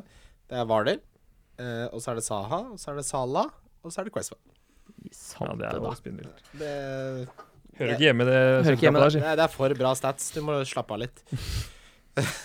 Vi skal videre til lyttespørsmål. Lyttespørsmål. Lyttespørsmål. Lyttespørsmål? Lyttespørsmål. Vi starter med Stian fra fjor. Um, Hei, Stian. hva, Halla, Stian. hva tenker dere om å ha City-spillere med tanke på at de allerede har vunnet serien? Vi har jo selvfølgelig snakket om City-spillere litt allerede, men han påpeker at de har et veldig lett program, men ikke noe annet å spille for. Så da tenker jeg med på rotasjonsrisken. Er det jeg vil høre deres analyse på. Men er det ikke litt greit at de ikke har så mye annet å spille for, da? Altså, Ja, hva er det de skal spare til, liksom? ja, det er litt det jeg tenker på, jeg også. Folk vil da spille fotball. Ja, det er VM snart. Mm. Ja, jeg, altså, jeg tenker altså, Det at de ikke har noe annet å spille for, tenker jeg er en god ting, egentlig. Eh, Ja, det er en seiersparade nå som de har vunnet ligaen. Hjemme mot Swansea så skal de endelig få feire det. Hvorfor ikke feire det med å vinne Altså spille pep-ball? ja. Nei, jeg tenker Det er selvfølgelig det er en mulighet for Pep til å spille spillet han ikke eh, han ikke har gitt så mye tid som han syns han burde, helt sikkert. Men jeg, jeg tror vel at stammen i det laget kommer til å se nokså lik ut. Det er sesongen ut, egentlig. Ja. Jeg tror, jeg tror nok Gündogan og Bernardo Silva kommer til å få nok med muligheter. De kommer til å skape litt uh, problemer, ja. Men uh, ta eksempel en Jesus. Da. Hvorfor skal han liksom rotere noe der, da? Kjøre Stirling som spiss, liksom. Eller han derre mm, Kesha som er uh, tredjespissen på City. Han skal ikke spille Nei, fotball. det han vet jeg ikke hvem er. Men, uh... Nei, han er på fancy. ja da. Men uh, jeg tenker nok heller dit hen at David Silva nå får en del fri. Og der kan Gündogan og Bernardo Silva bytte på, da. Mm. for å Men få at en spiller som Stirling liksom skal få ødelagt en så god sesong med at han skal uh, spares nå i gode kamper for at han har 17 mål og 13 assist. Det er helt vilt. Hvis jeg var Stirling, så ville jeg være forbanna om, om, Ja, jeg liksom, om han noen vil jo skulle ta sjansen til å Vil hvile meg. 20 år, Ja, ja, ja, ja, Glem det. Ja, nei, det, tror, det har jeg ikke noe tro på at det blir noe voldsomt uh, rotering der. Det, Kanskje Danilo får lov å spille litt mer fotball, men uh, Ja. offensivt Ikke, ikke de store big dogs at jeg kommer til å spille stort sett uh, resten av kampene. Enig. Uh, Vetle Vetlesen, ja da, han er tilbake. Han har er vunnet en konkurranse, og han Ja. finnes. Han har jeg lagd. jeg syns egentlig litt til de som uh, Og en som sa, jeg husker aldri hva han het, han er altså surmage, men han sa da har, du, har den der navnegeneratoren deres gått tom, da? Er ikke det litt frekt mot Vetle Vetlesen, da? Kanskje du skal tenke på det òg? Uansett, Vetle Vetlesen spør. Er det verdt å ta minus fire eller minus åtte for å skaffe seg et OK lag til Gameweek 35? Wildcard og freehit er brent for en evighet siden. Så er det en fordel om byttene funker inn mot resten av sesongen nå. Og Vetle, gutt, vi er i nøyaktig samme situasjon, vi. Så jeg spør dere, og jeg er nå Når jeg ser etter Jeg sitter jo og pludrer litt da mens vi eh, spiller inn podcasten. Jeg er på minus 12 nå, og da er det Jesus inn, Sterling inn og Alexander Arnold inn, og så en siste liten wildcard på slutten der, da. Men skal du ha en Trent Alexander? Han har jo ikke noe dobbel. Er det noe lurt å de og hitte inn han Må nå? du risikere at han riskes at Ja, han men hvor skal jeg få penger fra, har dere tenkt litt? Det er mitt spørsmål da. til Ja, for du er litt lens også, ja. Og der har jeg akkurat råd til Sané inn også, ja. Nei, fanden, dette kommer jo til å skje. Altså, ok, da for å konkretisere uh, Vetle Vettelsen sitt spørsmål. Ja, men Kan du ikke ta inn f.eks. en Chilwell uh, til samme pris, da? Altså, du mener det er bedre enn å ta inn Alexander Arnold? Ja, altså han har jo en kamp mer igjen å spille i Premier League, da. Ja, pluss at Det er jo litt rotasjonsvis på Chilwell òg, men uh, jeg tror du kan legge til grunn at Alexander Arnold blir hvilt i den Stoke-matchen. Ja, Mm. men dere, må, det dere ikke tenker på nå, at jeg kan ikke ta inn Chilwell, for da har jeg ikke elleve spillere. Nei, så du får en kamp ekstra uansett, ja. Men Så- du mister den jo antageligvis i Stoke-kampen. Jo, jo, men jeg tar jo ikke inn en spiller som ikke har en kamp. Nei, den ser jeg. Men kanskje du ikke skal gjøre det byttet, da? Nei. Ja, men da har jeg ikke nok penger. Ikke sant? Nei, nei, nei, Hent en fra Newcastle, da. En, Få på De Jedlin, har, da. de har jo dobbel gameweek, de. ja, men eh, Så du ville heller gjort det? Du ville heller hatt Jedlin enn Alexander Arnold? Ja, jeg tenker Ja. faktisk kanskje det. Jeg tror Med Alexander Arnold så får du, du får match nå, og så får du ikke noe match mot Stoke. Det vet du jo ikke. Uh, nei, men jeg, jeg, jeg, det legger, vil jeg- jeg legger det ja, til jeg grunn. tro Nå spekulerer jeg, det er jo selvfølgelig høyt spill, men uh, jeg tror at med Alexander Arnold så får du Du får match nå, som er 35, Mm. og så får du match i ikke match i 36, så får du 1-37. Du får tre kamper, da. Ja. Er best case, tror jeg, med Trent Alexander Arnold. Ja, han spiller 78, antakeligvis. Ja, for det, det det er snakk om her, da det er Bare for å konkretisere igjen. Det er snakk om minus 12. Da er det Alonso, William, Austin og Sanchez ut. For Sterling, Jesus Sané og Alexander Arnold inn. Er det, er, er det noe dere ville gjort? Er det for stort hit? Er Eh, det for å ta det på Jeg ville i hvert fall tatt minus fire for å fått inn Jesus. Ja. Det Det, er i hvert fall et eh, som får godkjentstempel av meg, uansett hva du gjør og tar ut, egentlig. Eh, Mm. hvis du må flytte over litt penger for å få råd til en spiss som koster ti blank, så gjør det. Men uh, over minus Altså minus åtte kan være Hvor, hvor, hvor, hvor hva- setter dere grensa, da? Det kommer litt an på hva du skal ha, da. Skal du ha inn igjen Sala f.eks. etter eh, Sanchez i double gameweek? Ja, gjør det byttet. Ja. Så det er noen spillere som er verdt disse minus fire. Det er Sala er én. Jesus er verdt eh, minus fire inn. Syns du ikke Stirling er det, eksempel? Jo, potensielt. Jeg ville, jeg, altså, jeg ville vurdert Hvis jeg f.eks. nå kunne gjøre uh, William til Stirling, for eksempel, så tenker jeg også at det kanskje er verdt en, en minus fire. Mm. Jeg vil også uh, kunne hitta inn Aubameyang. Ja, Han har jo. Burnley hjemme og Leicester borte i double game i Cannes også. Ja. Så den også syns jeg forsvarer Du må ha liksom de top dogsa fra den doble gameweeken i 37, som også spiller nå. Og da Mm. er det jo de vi nevner nå. Ja, ok, Så for å svare Vetle, da, så Ja. Hitsene Det handler ikke om egentlig mengden hits, det handler om hvem disse hitsene er for. Ja, Det er jo som det er alle, som- alle ja. bytter du gjør i løpet Ja, av ja, sesongen. men ok, men uh, Og som, men som, som ivrig fancy podcast-lytter, jeg hører på flere av dem, eh, det- så jeg også stiller disse spørsmålene. Jeg liker ingen så godt som dere, selvfølgelig. Men eh, jeg har aldri invitert meg selv til noen andre podkast enn dere, så det må du ta som et kjempekompliment. Men, eh, nei, men eh, det, det, jeg så stiller de spørsmålene der ofte, fordi at eh, det, det, man vil ha bekreftelse på en eller annen idé, fikse det man fikk. Ja. Men, Mm. men problemet med de spørsmålene er jo at eh, det, uten kontekst og all informasjon, så er det et helt, egentlig et helt meningsløst spørsmål. Fordi eh, minus åtte kan være det dummeste du gjør, og det kan være Ja. helt, helt kult. liksom. Mm. Avhengig av hva som kommer inn og kommer ut osv. Så, videre, så Selvfølgelig. Men det, det jeg føler at vi kommer litt fram til her, er at uh, sånn som på dobbeltrunder, da, så kan man jo forsvare en helt annen mengde hits. Ja. Mens her så er det mer sånn at hvis det er de fire største, Mm. som da er Aubameyang, Stirling, Jesus og uh, sistemann? Har jeg glemt det? Sala? ja, si Salah, Salah, selvfølgelig. Si, Kanskje si, til og med Mané, fire, ville jeg Ja. sagt, hvis du først er inne på det. Men det er klart, hvis, hvis, hvis du tar ut spillere du ikke har trua på for de, så tenker jeg at da kan man vel sikkert forsvare en tre-fire bytter hvis man må. Ja. Men Mm. uh, Men da, da ville jeg vært veldig sikker på at de du tar ut, sånn som nå, da Hvis du tar ut Mares og Sanchez Nei, ikke William og Sanchez, da, som har dobbelt i 37, vær sikker på at du er fornøyd med å ikke ha de i 37. ja, da skal du sitte og Ja, glise for- ja. når William sprenger i 37. Altså, Da må Ja. du bare smile For og se en annen sikker. vei. Du kan, og, ikke, ja, du, kan ikke gjøre, du kan ikke gjøre de byttene nå, og så sitte og, og, og vurdere å bytte tilbake i den Nei. 37, for da vil nesten uansett hvordan det går nå, så vil vinninga gå opp i spinninga. ja. Det, det der er eh, bra spørsmål, Vetle. Det lurte jeg også på. Takk skal du ha for det innspillet. Veldig bra. Max eller fotballchampion, tror jeg, på Twitter. Det er nesten fetere navn enn Vetle Vettelsen. Mm, ja, det syns jeg nesten var bedre. Eh, Maksegutt heter han. Ja, navnegeneratoren får kjørt seg. Han spør like greit å kjøre Sala som kaptein de neste rundene, resterende rundene. Og for å spisse spørsmålet Hvis dere måtte ha én spiller som kaptein resten av sesongen uh, Jesus. Ja, du hadde kjørt Jesus, ja? Ja, eller Aubameyang. Ja, jeg er troende til å være enig, men det er nok en gang det der utrolig kjedelige ankepunktet om at Sala Jeg tror ikke du får 90 nå, jeg tror ikke du får den mot Stoke, og da er det Da er det, da er det tre matcher igjen, realistisk sett. Mm. Så, så derfor er det, må jeg være kjip og si nei. Men ellers så tenker jeg jo ja. Altså, hadde det ikke vært for det, så for Men det er jo det vi egentlig ikke sant? Konteksten har jo alt ja, å si. Ja, ja. Kontekst har mye å si. Så da Ja. svarer du nei, da.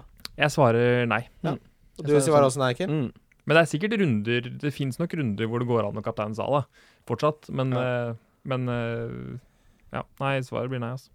Altså, jeg tenker i hvert fall 37, så hvis, hvis jeg måtte låst meg til Salah, så hadde jeg, jeg hadde kvia meg for det bare pga. 37. Ja. Da ville jeg hatt en City-spiller nesten uansett. Det kan, kan Mm. bli målkalas. Uh, vi skal videre til runden som kommer. Runden som kommer. Ja, det er runden som kommer. Runden som kommer. Runden som kommer, starter med Det er en selvfølgelig amputert runde, men det starter med West Bromwich mot Liverpool, hvor Mané og Firmino har skåra fire mål på de siste syv. Mané har målpoeng på seks av de siste syv. Salah leder The Golden Boot, altså mestskårende spilleren i Premier League, med 30 mål. Han, Han bryr seg om det. ja, Det har gått opp for meg etter at Kane fikk, den der, eh, fikk anka til seg den skåringa. Mm. Eh, litt sånn pinlig når halve Liverpool eh, tvitrer den samme joken om at Salah skulle få alle tre goalene mot Bournemouth osv. Men, men det, det- jeg visste ikke at Salah selvfølgelig vil bli toppskårer og sånn, men eh, det er tydelig at det, det, den der toppskårertittelen, den, den, den eh, henger høyt, altså. Mm, selv for disse gutta, selv om de er voksne profesjonelle fotballspillere. Ja, Så- altså, det, hadde hengt høyt for meg òg, hvis Det, jeg var spist. Jo. Du skrives jo ned i evigheten så fort du blir toppskårer. Kommer du som nummer to, så er det ingen som husker deg. Kevin Phillips husker jo kun fordi han hadde blitt toppskårer. Ja. Han hadde, han hadde verd, Han hadde den største De har en sånn lokal gate i Birmingham der. Altså en kebabgate, da. Hvor de blant annet hadde De hadde en kebabsjappe hvor du kunne kjøpe på krita. Og eh, den største kriteregninga, altså uoppgjort, det var Kevin Phillips på 90-tallet i hvert fall. Uansett. Salah, siste åtte, så er han av de åtte, altså fire av de åtte, fått tosifra antall poeng. Det inkluderer en 29 poengs fangst mot Watford. Det er kanskje min beste dag i sånn ever, faktisk. Ja, det er det? Ja, virkelig. Det var så mange som hadde han at jeg ble ikke noe glad da heller. Nei, det skal mye til. Man blir jo blasert. Ja, men Uansett, det er Liverpool-sport det hjelper litt. Ja. Det, det jeg tolker fra dere, er at um, det er rotasjonsrisiko her. Ikke nødvendigvis at de ikke starter, men at de blir tidlig bytta ut. Ja. Det fordrer jo at de leder komfortabelt, og hvem er det som scorer de målene som gjør at de leder komfortabelt? Jo, det er Salah. Det er Mané. Sant? det er Det- Så de spillerne, selv om de blir tatt ut tidlig, så vil de jo i så fall bli tatt ut tidlig fordi de har scora. Mm. Eh, og du så litt tendenser mot Bournemouth Men man er jo grådig. at jo, men det er ikke som om Liverpool-laget ikke vil at Salah skal skåre de målene. De er veldig godt bekjent med at det står Det er, det er litt gøy at han skårer de målene, enn at uh, noen andre gjør det. Ja, ja. Uh, ta litt stats også. Westrom West er ligaens dårligste hjemmelag. Tar halvparten av minst poeng på hjemmebane. De møter ligaens tredje beste bortelag, og det er laget som skårer nest mest. Det er ingen som skårer færre mål enn West Bromwich. De har skåret 27 mål på 34 kamper. Det er grunnen til at jeg vil ha Trent Alexander i tillegg til to Liverpool-offensive.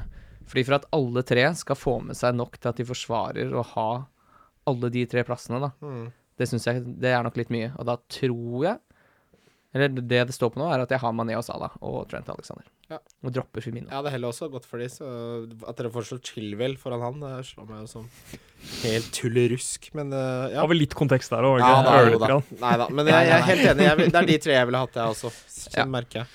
Ja, og hvis, jeg tenker også noen gang, hvis du, hvis du skal være gæren og må diffe, så det går an å gå for Mané også, tenker jeg. Hvis du på død og liv tenker at du skal være klin gæren og frykter noe Salah-rotasjon eller hva det er. Jeg syns Mm. Mané har sett stadig bedre ut. Og Ja, i de kampene hvor Klopp har spart den fireren foran, så er det jo Mané som får mest eh, tid, virker det som. Det er han han tar av sist, og antageligvis frykter minst å få skade på. Han er vel Ja. minst, minst sånn vital for Liverpool som lag, mot Ja. et Roma-lag f.eks. Så jeg syns ikke Mané er noe, står så veldig mye tilbake for Salah i denne runden, sånn isolert sett. Nei, jeg er helt enig. Nei, bra. Bra analyse. Godt svar. Liker det veldig godt. Uh, Watford Crystal Palace. Uh, Mm. Wilfried Saha, som koster 6,9. eh, siden han kom tilbake i Gameweek 30, så har han skåra tre ganger og fått to assist. Milivovic har rett og slett fått fire, nei, 38 poeng på de siste fire. Det er jo helt sinnssykt. Han koster 5,1, selvfølgelig. Watford på hjemmebane har sluppet inn 30 goller, som er ligaens verste hjemmeforsvar. Og de har slutta å score. òg. Det har de ikke. De har scora i tolv av de siste hjemmekampene sine. Ja, men Men da blir det da blir, Ja, men det er Ja, ja. Men altså, jo, det er riktig. Men, eh, og Crystal Palace har scora i ni av de siste bortekampene sine. Ja. Så dette er en kamp hvor du ikke får clean shit-spillere til et eventuelt free hit-lag. Det er problematisk. Ja. Ja, det er mulig, det. Ja. Jeg så på de siste fem, og da var det ikke mye mål, men det er mulig vi Ja, men de skal, Ja. hvis de, de har, det at de har scora Jeg tenker det er mer sånn odds interessant, fordi du får 1,70 på at begge lag scorer. Ja, Ja, og, men du vil ikke da f.eks. hente inn en Tomkins, da, som du har veldig forkjærlighet for om dagen? Nei, han, han sitter med åtte poeng på benken min. Han sitter godt der. det er ikke noen grunn til at han skal score i den kampen. Det er bare rør. Eh, nei, absolutt ikke. Men eh, det kommer nok til å bli en eh, Hva er det? Jeg tror at eh, de skårer helt sinnssykt mye av målene sine, Watford, de siste 75. Og de slipper inn helt sinnssykt mye av målene sine de siste 75. Ja. Så det er der det skjer. Jeg tror de har eh, 0-0 til pause hjemme i sånn nesten ti kamper. Oi. Og så rakner det totalt. Ja, og Saha i de siste 15 minuttene mot eh, Crystal Palace-forsvaret Nei, mot Watford-forsvaret, unnskyld. Uh, ja takk. Uh, hvis jeg skulle vurdert en som ikke hadde double nå, på free hit, så slår Saha meg som Jeg har Sa på free hit-laget mitt. Ja, jeg syns han slår et voldsomt bra Voldsomt bra pick. Uh, Arsenal-Westham. Jeg har lyst til å si at fra Arsenal så kan du ha Aubameyang, eller så kan du ikke ha noen ting. Jeg driver og snuser litt på Lacassette, jeg. Som den andre spissen eh, ved siden av Jesus og Aubameyang. Westham har skåret i 71% av bortekampene sine. De har skåra i ni bortekamper på rad. De har da skåra mot Liverpool, Chelsea, Spurs, City. Ikke skåret mot United, men skal nå møte Arsenal. Så de har skåret mot fire av fem topp seks-lag. Ja, ja, du skal ikke ha noe forsvar fra Arsenal. Det er helt riktig, for der ser jeg det er mange som fortsatt holder på Mustafi og den gjengen der. Nei. Jeg tror ikke noe på at de kommer til å holde, ha clean shit i den, eh, i den kampen. Og sånn som det roteres bak der også, så syns jeg det er skummelt. Og det virker Med den roteringa så virker det som de blør mer defensivt enn de gjør det offensivt, faktisk. Ja, jeg er helt enig. De bryr seg ikke om å holde nullen i det hele tatt. Nei, nei, nei. De driter i det. Det er sånn Se, se om Aubameyang klarer å score nok til at vi vinner. Han gir jo faen. Mm. Altså Wenger, tenker jeg på. Ja, og som sagt, Westham slipper inn 2,24 mål på bortebane og har to clean sheets på 17 kamper. Her kommer det til å bli mye Arsenal. Ja, Uavhengig av hvem som spiller. og det er en gøy tanke du har om Øzil også. Hvis, hvis det viser seg at han spiller Øzil, så er det potensielt en, en eh, hva skal jeg si, eh, avgjørende spiller for Mm, runden. Liksom. Det, er jo, det er skummelt, men hvis du må pønte, så er det kult, kul gamble. Mm. Ja, det er en pynt, men det har jo kjempeinnvirkning på Aubameyang. Tenkte jeg som egentlig enklere det er å være han hvis Øzil spiller. Ja, så. Ja. det blir spennende å følge med på. Eh, Du nevnte jo selvfølgelig uh, hvor elendig Westham er borte. Uh, de har sluppet inn 14 de siste seks borte, altså. Det er mest i ligaen. det er uh, begredelige tall. Um, Stoke Burnley, der har jeg tre Burnley-spillere for første gang i mitt voksne liv og, og mitt unge liv. Mm. eh, Burnley skårer plutselig for, for moro skyld. Ja, nå har de vunnet de fem siste. De har vunnet de tre siste bortekampene, og i de kampene har de skåret to mål eller mer. Nesten så vi skulle hatt med Burnley på bongen, ser jeg jo nå, da. Ja ja. Eh, Ukens wildcard-feeling. uansett, da. Det, det er jo mange som har eh, Burnley-spillere fordi de hadde fixture den og hadde double, er midt i en double nå. Det er fint. Spill alle sammen. Det er jo rart at man har et Burnley-lag med masse offensive valg. Plutselig Ashley Barnes og, og Chris Wood, og der spiller man liksom Ja. Jeg er to. Gudmundsson. Jo, ja, Gudmundsson potensielt. Men Ja. eh, nei, hvem skulle tro at vi satt og prata Burnley-spisser i Game Week 34, liksom. Det er blitt eh, Det er kult med de lagene som overrasker skikkelig, og Burnley Jeg så en sånn TV 2-reportasje. det virker som en, en eh, by som elsker fotballaget sitt, som, eh, som eh, svetter og blør fotball, og det er Jeg syns det er gøy, Det, Mm. det er liksom, man kan gjøre litt narr av sånn eh, sjarm, men det er, det sjarm. Det er ekte sjarm. Og nå håper jeg ikke Kim har bedre stats enn meg igjen, men, men eh, Stoke også er, det er jo bekmørkt. Ja, De har ikke vunnet på de siste ti, eller noe sånt, tror jeg. Og er jo eh, De skal i praksis kjempe for plassen. Det syns ikke ser ut som de kjemper noe sånn voldsomt. Det er Nei. Crouch som er oppe og kriger, og resten ser ut som de gikk opp. Så I den kampen her så må vi vel få all out attack fra Paul Lambert. Ja. Her, er- nå er det nesten Det er vinn eller forsvinn Ja, i den kampen her, nesten. Altså, så de har så vanskelig kampprogram, og det er de kampene her de må få, Mm. Få må, poeng i. må Jeg Den føler her at de må, må vinne. vinnes. Ja, Ja, ja, vinnes. Så her tror jeg det kommer til å Her vil jeg, her vil jeg heller ikke spø Jeg, tror, jeg har ikke noe tro på at Burnley holder nullen her. For såpass offensivt må Stoke gå ut. Med mindre de liksom får 2-0 i sekken, og de bare får lufta slått ut av seg. Ehm, nei, det blir Det er litt kontekstuelt interessant, dette her, da. Fordi Stoke må, og Burnley er i veldig god form. Så det, det kan bli en overraskende interessant fotballkamp når man snakker om Stoke Burnley. Det er ikke så ofte man sier det, tror jeg. Nei, det er ikke. Helt ny Eh, setning. Manchester City Swansea, der har jeg en del stats, da, vet du. Uh, forrige gang de møttes, så ehm, ble det 4-0 til uh, Manchester City. Eh, de har én clean shit på sine siste seks bortekamper. Uh, Raheem Sterling var den beste spilleren sist de møttes. Da hadde han to assist og tre bonus. Ehm, de siste seks kampene så har han tre mål, to assist. Han har 22 målforsøk. Den eneste som har flere i hele ligaen, det er Mohammed Salah med 25.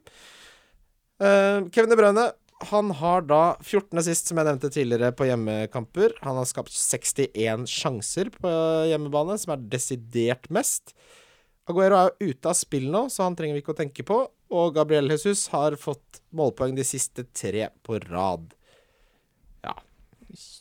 Det Kjør da, underbygger bare det vi sa om at eh, Jesus er en spiller du absolutt vil ha. Ja, Stirling òg. Det som er litt interessant, som jeg fant ut, er at City har bare eh, Hvor mange clean shit de har på hjemmebane? De har bare 6 av 16. Det blir clean shit. Det er niende dårligste i ligaen. Da skal Jordan Ayew score igjen, da. Ja, det blir Jordan Ayew scoring. Nei, jeg tror eh, City holder nullen. Eh, det er også derfor jeg henta Kyle Walker i tillegg. Jeg tror Trent Alexander kommer til å få clean shit. Jeg tror eh, Walker også gjør det. Resten blir en liten Jedlin, kun fordi jeg håper det kanskje kan bli noe offensivt der. Du må ha forsvarsspillere i den runden her, og Ja. skal du velge hvor de clinchene kan komme, så tenker jeg at da skal du ha en City-forsvarer. og så er jeg godt for Butland i golden, fordi jeg tror han kommer til å få en del saves som han vanligvis Ja, vi kommer tilbake til freehit-laget. Det er bra, det. Vi gjør det, ja. Ja da. Det, det er en egen spalte, det. Oi. Ja da. Det blir, det blir sånn. Må bli sånn. Siste kampen før vi kommer til vårt ideelle freehit-lag, det er Everton mot Nei, det er det ikke. Nei, det er ikke Everton mot Swansea, i hvert fall. Det skal jeg love deg at det ikke er. Det er Everton mot Newcastle. Mm. Perez i sitt livsform, 7-12-12 på de tre siste. Hadde mål sist denne, mål sist forrige. Kan stå med en topp ti-plassering for Newcastle. Har en hengekamp hvor de kan gå forbi nettopp Everton. Eh, jeg tror det har noe å si for Benitez å komme på øvre halvdelen av tabellen. Jeg tror det kan ha noe å si litt med tanke på at eh, Mike Ashley får solgt klubben også. Det er noe Mm. med å selge, selge en klubb som har en så positiv diskurs. Mm. Uh, og når det gjelder Everton Det skal være lov å like et lag man alltid kommer å elske, og sånn er det ikke nå. Nei, men Everton er gode hjemme. De er det sjuende beste hjemmelaget, og de har kun tatt tre poeng mindre enn Chelsea og fire poeng mindre enn Spurs på hjemmebane i år. Hvis du måtte vedde, da på Ja, men det må man jo aldri. aldri. Men de har slutta å holde nullen, da, mener jeg. For jeg titta litt på, Mm. på Everton. Det er Bortsett fra mot ikke Liverpool plutselig, hvor de ja, men det er. B-laget til Liverpool, og det var i det hele tatt Og utover Kontekst, det, så kontekst, ja. de, de, de slipper inn mål. Så Ja. det er, og derfor syns jo jeg at eh, for, en, for en som skal opp og fram, da, så syns jeg at også Peres er, er en morsom punt. Mm. Eh, Jeg tror ikke Everton holder nullen der, men jeg tror ikke Newcastle heller. Nei, det tenker jeg er en uh, helt fair analyse. Kan- Tosun har vært nære, han òg. Kan godt komme Mm. noe Everton. Det hadde vært en liten luring. Tenk å ha hatt en liten Tosun på, på Det er veldig mye freelaget lat sitt. til Jose Perez, må jeg virkelig si. Snakk om en heis som er på vei opp, og en heis som er brennende på vei ned. Ja. Den brenner Den på vei ned, den ned i kjelleren og brenne opp, den. Everton-heisen der. Jeg må bytte til trapper. Få det vekk. Ja, det er trist, altså. Ja. Nei, uh, uansett. Eh, jeg, hvis man sitter med Newcastle-spillere der, jeg hadde vært komfortabel med å spille de. Jeg hadde ikke vært komfortabel med å spille Det eneste jeg hadde vært komfortabel med å spille, er Tosun, for han kan score uansett, uh, uavhengig av kampbildet. Mm. Uh, jeg ser folk hente Baines og sånn uh, til free hit. Jeg Det er veldig kult. Nei, jeg vil heller ikke det. Det er, det er sånn, Da har du spilt fancy for sånn tre år siden, og så har du frosset ned i Everest, og så er du akkurat tint. Og så hva skal du ha? Skal ha Baines! Mamma, hvor er Baines? Ja, det er Baines? veldig rart. Veldig rart å høre. Sett deg i drosjen og kjør meg til Baines. Sett den i kjøregiret. Unnskyld meg. Nei da. Vi skal til eh, det som er runden sitt, og da eh, begynner vi skal, vi, det er litt sånn, vi kan begynne med keeper, og så tar vi diskusjonen litt sånn uh, som den kommer. Kim, du sa du hadde Butland der. Mm. Eh, Nå noterer jeg litt underveis her, for nå lærer jeg. ikke sant? ja, Få høre Jeg tenker jeg kan gå og høre Det er rett podcasten, og jeg trenger slett ikke å notere fordi noe. jeg ikke kommer til å gå for Karius eller uh, Ederson, for jeg vil ikke bruke opp en plass på keeperplassen. Syns jeg li- virker litt unødvendig. Da vil jeg heller ha Trent Alexander og Walker som kan bidra offensivt i tillegg. Eh, jeg tror det kun er de to lagene som holder nullen, men Butland eh, pleier å stort sett dytte unna det som kommer, han.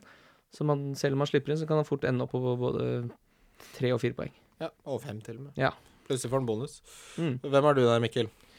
Ja, Per nå så har jeg faktisk Karius, eh, men det er mer for at jeg, jeg trodde Joe Gomez var nærmere enn det han var, så jeg var litt usikker på, på Arnold.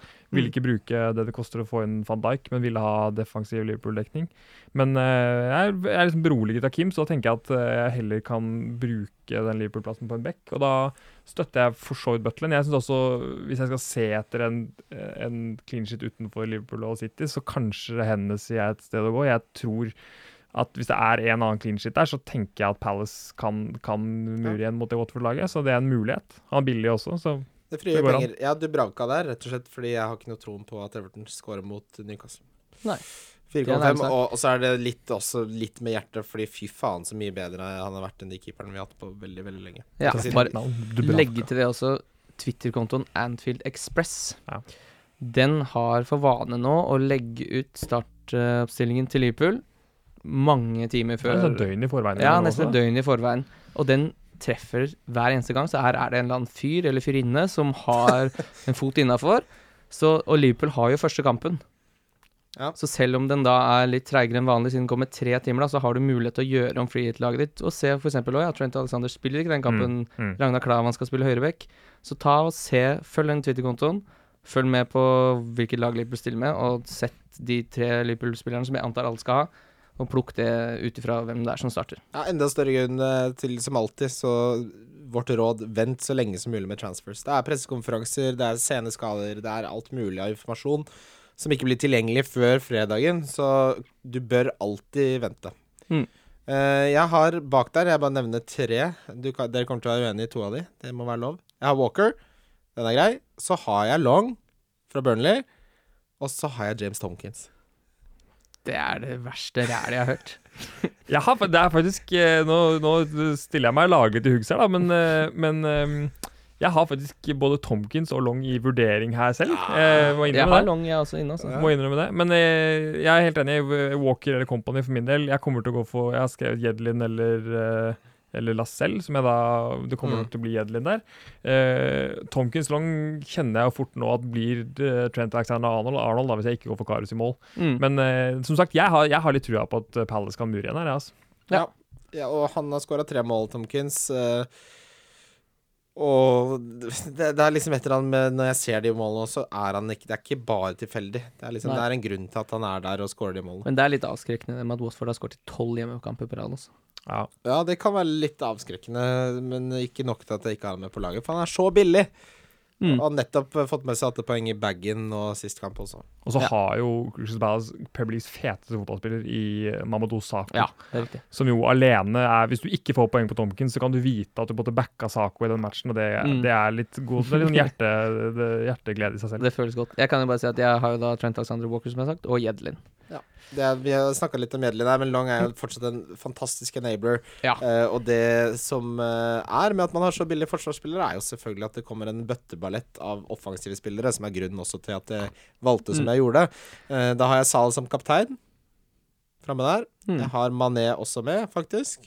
Jeg har Kevin De Braune som visekaptein. Jeg har Sterling og Arnautovic på Ja. midten. Du kjører en femmer på midten, ja. Gjør det. Hør på den femmeren, da. Ja, den er, ja, den er- er, det smeller, da. Det er et smeller, altså. Jeg, altså, jeg hadde satt penger på at alle de scora neste kamp. Jeg har Mané, Salah, Saha og Stirling. Ja, jeg har, jeg har omtrent jeg, Det ligner det ligner fælt. Jeg har Stirling. Sané, var det det du sa? Nei, Stirling, Saha, Salah, Mané. Ja, Saha, selvfølgelig. Mm. Vet du hva, glem det. Jeg bytter Arnautovic til Saha. Ja, det syns jeg absolutt du skal gjøre Ja, for å nei, spille det- Arnautovic. Du må ikke finne på å røre til det der. Nei, nei, jeg mente Saha. Det står Mm. Arnautovic her. Dette ble laget litt for tidlig. Ja, Saha. Ja. Jeg har ikke noe å tilføre. Bifaller. Ja, det er bra. Nei, den er, den er, den er grym, den. Mm. Aubameyang har jeg med, og så har jeg Jesus. Ja. Der har jeg en spiss til. Der har jeg Lacassette nå, men jeg tror kanskje Jeg skal høre litt på pressekonferanser og få meg litt før jeg tar det valget der, men det er klart, hvis du får både Aubameyang og Lacassette mot uh, West Brom-laget, nei, Westham-laget, så syns jeg det også virker litt Og samtidig da ha Mané og Salah på midtbanen til Liverpool. Ja. Og en Sterling og Jesus. Ja. Anfield Express kommer til å avgjøre valget mitt der. Jeg har også Mm. Jesus og Aubameyang, og per nå eh, så kan det fort bli at jeg kjører Firmino. Er jeg usikker og heller vil ha Mané Salah, f.eks., så jeg, tenker jeg at en punt på Perez blir eh, Ja. Det blir min, min, min, tur av punt denne runden. Treng, treng, hadde jeg trengt en billig Trengt en billig spiss der, så er Perez et morsomt punt, altså. Herlighet. Men det skal vi videre til rundens spillere. Wildcard FC. Wildcard FC. Og vi begynner med rundens kaptein. Mikkel, hvem har du der? Eh, jeg skal ikke være feig og gardere meg masse, så jeg skal velge én. Selv om jeg har skrevet åtte, nesten. Du får bare velge en. Det er bare Eh, Men én jeg som teller. sier, jeg sier Jesus, ja. Ja, Fin den. den er fin, den. Kim? Jeg har gått for Aubameyang. Oi, da har vi ikke en troika, men vi har tre forskjellige. Tressis? En tresis, ja. Jeg har Sala. Noen måtte jo si det. Hvis ikke så Ja, noen jo- måtte si det, ellers måtte vi legge ned podkasten. Øh, ja, alle, alle kan forsvares veldig godt. Uh, Sala Ja, det blir vanskelig å velge om man skal ha Jesus eller Aubameyang, men Jeg tenker jeg- Det er den 29-poengeren mot Watford gjør at jeg tenker Ikke kødde til, da. Sala Bare ta Sala. Og nok en gang, Anfield Express vet at han starter, så får Ja. han 60-70. Og Ja. Sala Salah 60-70 kan være like mye som Aubameyang i 96, liksom. Ja. Så det, Og det kan være like mye Ja, som og han blir jo plutselig tatt av i det 70. og skal ikke spille Europa, liksom. det er jo ikke til å skjønne seg på. Ja, nei, men da har du dekka de tre beste, da. Mm. Uh, så får du velge hvilken argumentasjon du liker best, rett og slett. jeg sjekka ikke den cap'n pollen til, til Sala, Abameyang Aubameyang og Jesus i den rekkefølgen. Ja. Oi. Så det er, det er informerte gutter her, ja. Ja da. Differential, der har jeg Wilfrid Saha. 5,4 eier han. 6,9 millioner koster han. Han spiller mot Watford, som er det dårligste hjemmelaget defensivt i ligaen. Han er jævlig god. Han blomstrer under Roy Hodgson etter skade. Han skåra to mål og fått tre sist. Kjør da, stokkegutt. Jeg har gått for Jesus, jeg som har en eierandel på 7,4. Ja. Syns jeg virker som en åpenbar diff. Det, ja, det, ja. Mm. Uh, Diff, Mikkel, hvem har du der? ja. Det blir Ayose Perez. Det er min eh, store brannfakkel denne runden. Der er det ikke høyere enn det, eller kan det ikke være. Jeg har ikke sjekka engang, jeg bare tok til hvit at han er jo Det kan ikke være mange. Nei, fordi 25 står det. Han er faktisk en Nei da. Uh, for da kommer vi til billigspiller, og der har jeg selvfølgelig Ayose Perez. Det blir litt sånn kryss, eh, sånn overlapp her. Eh, eierandelen til unge Ayose er 2,3% så det er eh, veldig innafor. Han koster også 5,3 millioner. Er det sin livsform? Um, og det underliggende statsene underbygger det. Det er ikke bare sånn uh, klabb og babb uh, flaksemål. Hvem har du, Kim, på billig? Jeg har tatt uh, Trent. Trentegutt, ja. Mm. Ja. Jeg har det, altså. Ja, ja, vi er, det, er, det, er, jo litt sånn at vi har resonnert og argumentert for alle disse spillerne på forhånd. Uh, og det er jo bra. Uh, så det blir Jeg skjønner godt hvorfor jeg, ja, jeg har han inne på laget mitt. Eller de potensielle byttene som jeg har tenkt å gjøre, så er han en viktig brikke for min del. Hvem har du der, Mikkel, sa du? Ja, nå er det jo mye gode valg her, da, men jeg, får- jeg fyrer Jedlin, ja, like gjerne. Ja. Ja. Jeg tenker at hadde vært gøy hvis Jedlin slo Tenk hvis han fikk en sånn 15-poenger nå. Det hadde vært deilig. Når han slår den på, på tåspissen til Peres der, så, så jubles det hjemme hos uh, Ellingsen. Det er helt sikkert. Ja, men han er kul spiller. Han er veldig bankers. Han spiller stort sett alltid 90. Han uh, har ikke Han har ikke satt verden på fyr når det gjelder uh, målpoeng, men han har en nå den siste og ser ut som å ha vokst inn i et Newcastle-lag med voldsom positiv stemning. Og Everton er så dårlig! Vi må ikke Ja, at. Everton ja, det Er, at de er det sjuende beste hjemmelaget Ja, det er mulig de var det, men eh, vet du hva? Vi får se. Der er det mytteri, altså. Det er så dårlig. Det er så dårlig. Jeg gleder meg til Newcastle slår de masse. Det skal jeg sette mer penger på enn alt annet. Uansett. Donk, Kim. Firmino. Jeg tror hvis det er noen i den treeren som skal spares, så blir det Firmino. Ja, Og selv om han spiller, så tror jeg også han har eh, Det begynner å bli lenge siden han hadde noen double digits nå. Det er en scoring eller en assist, stort sett. Uh, ja, jeg donker han, for han har såpass høy eierandel på 38,3. Ja. Han skal dra på litt. Mikkel, hvem har du som donk? Eh, nå har jeg tatt høyde for at dette potensielt liksom blir min ene opptreden på Fancy Podcast, så da skal jeg jo gå ned med flagget så til de grader til topps, da.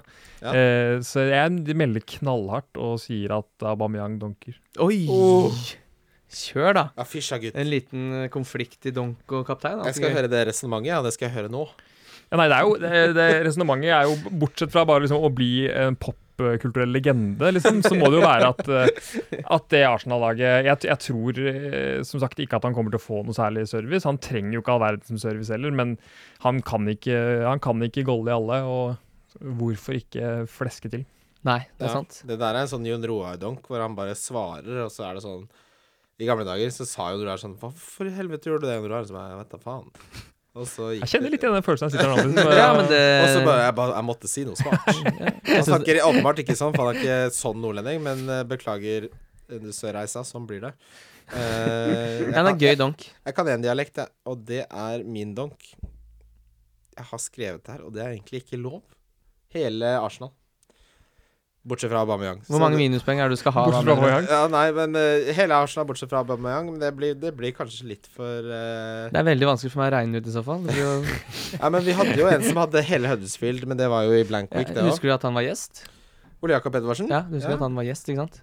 Det var det jeg mente. Ja, vi du hadde er her. Ja, ja. jeg Du er jo her fast. Du kan jo ikke få sånne friheter. Nei, så da Nei, vet du hva? Dette er jo egentlig kjempeenkelt. David Ja, da kjører du Aubameyang David. Silva, ja. David Silva. ok, okay. Der er For det. jeg, jeg tror på resonnementet til eh, Mikkel her. Mm. Ikke at han kommer til å spille dårlig, men jeg tror ikke han kommer til å spille noe særlig Nei. fremover. Tenk at spåkula skal få den plassen i, Ja. i podkasten. Ja, men den er jo Den tanken der tror, har jeg veldig troen på. Uh, vi begynner å nærme oss vei ved veis ende, i hvert fall. Mm. Uh, men før det så skal vi uh, snakke om vår wildcard-trippel, som denne runden er en eh, trio med bortekamper hvor vi tror at Liverpool slår West Bromwich borte. Hvem Mm. er det som ikke tror det? Det, er, det kommer til å skje, det. Ja, men 1,5 i odds sammen. Det er jo noen bookmakere 1,53. som surrer der. da. 1,53. Eh, jeg tror de brant seg da West Bromwich slo Nei, de brant seg jo ikke der da de tjener penger. Når Manchester United taper mot West Bromwich. Mm. Er det mye rentebett som går føyken? uh, Crystal Palace slår Watford borte. Vi har uh, føler underbygget det ganske greit. Mm. Og Newcastle slår Everton borte. Det er vel nesten den jeg er mest sikker på, og det sier jo sitt. Den har boosta fra 13,53 til 16 i odds. Du finner den under Love the Bet-fanen på Norgebet under odds. Setter du 49, så er du med i trekningen av valgfri fotballdrakt. Du kan sette så mye du vil. Ja, Men men, du har bare med trekning hvis du setter 49. Ja, så sett, Hvis du skal ha lyst til å sette 300, så sett 251, og så 49, da. Mm. Vanskeligere enn det er det ikke. Nei. Uh, vi har også en annen konkurranse gående sammen med NordicBet, og det er at hvis du setter inn 100 kroner på din NordicBet-konto, sender et screenshot av innskuddet til wildcardkonkurranse at gmail.com. Hvis du lurer på hvordan det staves, så staves det hvordan det staves på rekk ikte. Ekte, altså. Bare søk opp hvordan du staver konkurransen, så finner du ut av det. uh, send lagnavn. Og så er det good, det. Da er det good. Tusen takk for at du var med, Mikkel. Det var en eh, fornøyelse å ha deg her. Takk for at du fikk være her. Veldig hyggelig. Veldig gøy. Og takk for deg, Kim. Jo, takk for deg, Christian. Og takk for deg, ja. Ja, da snakkes vi, da. Lykke til. Nei, vet du hva? Takk for at du hørte på. Takk for at du hørte på. Ja, det er viktig, det. Ja, Profesjonell greie. Lykke til. Wildcard FC. Wildcard FC.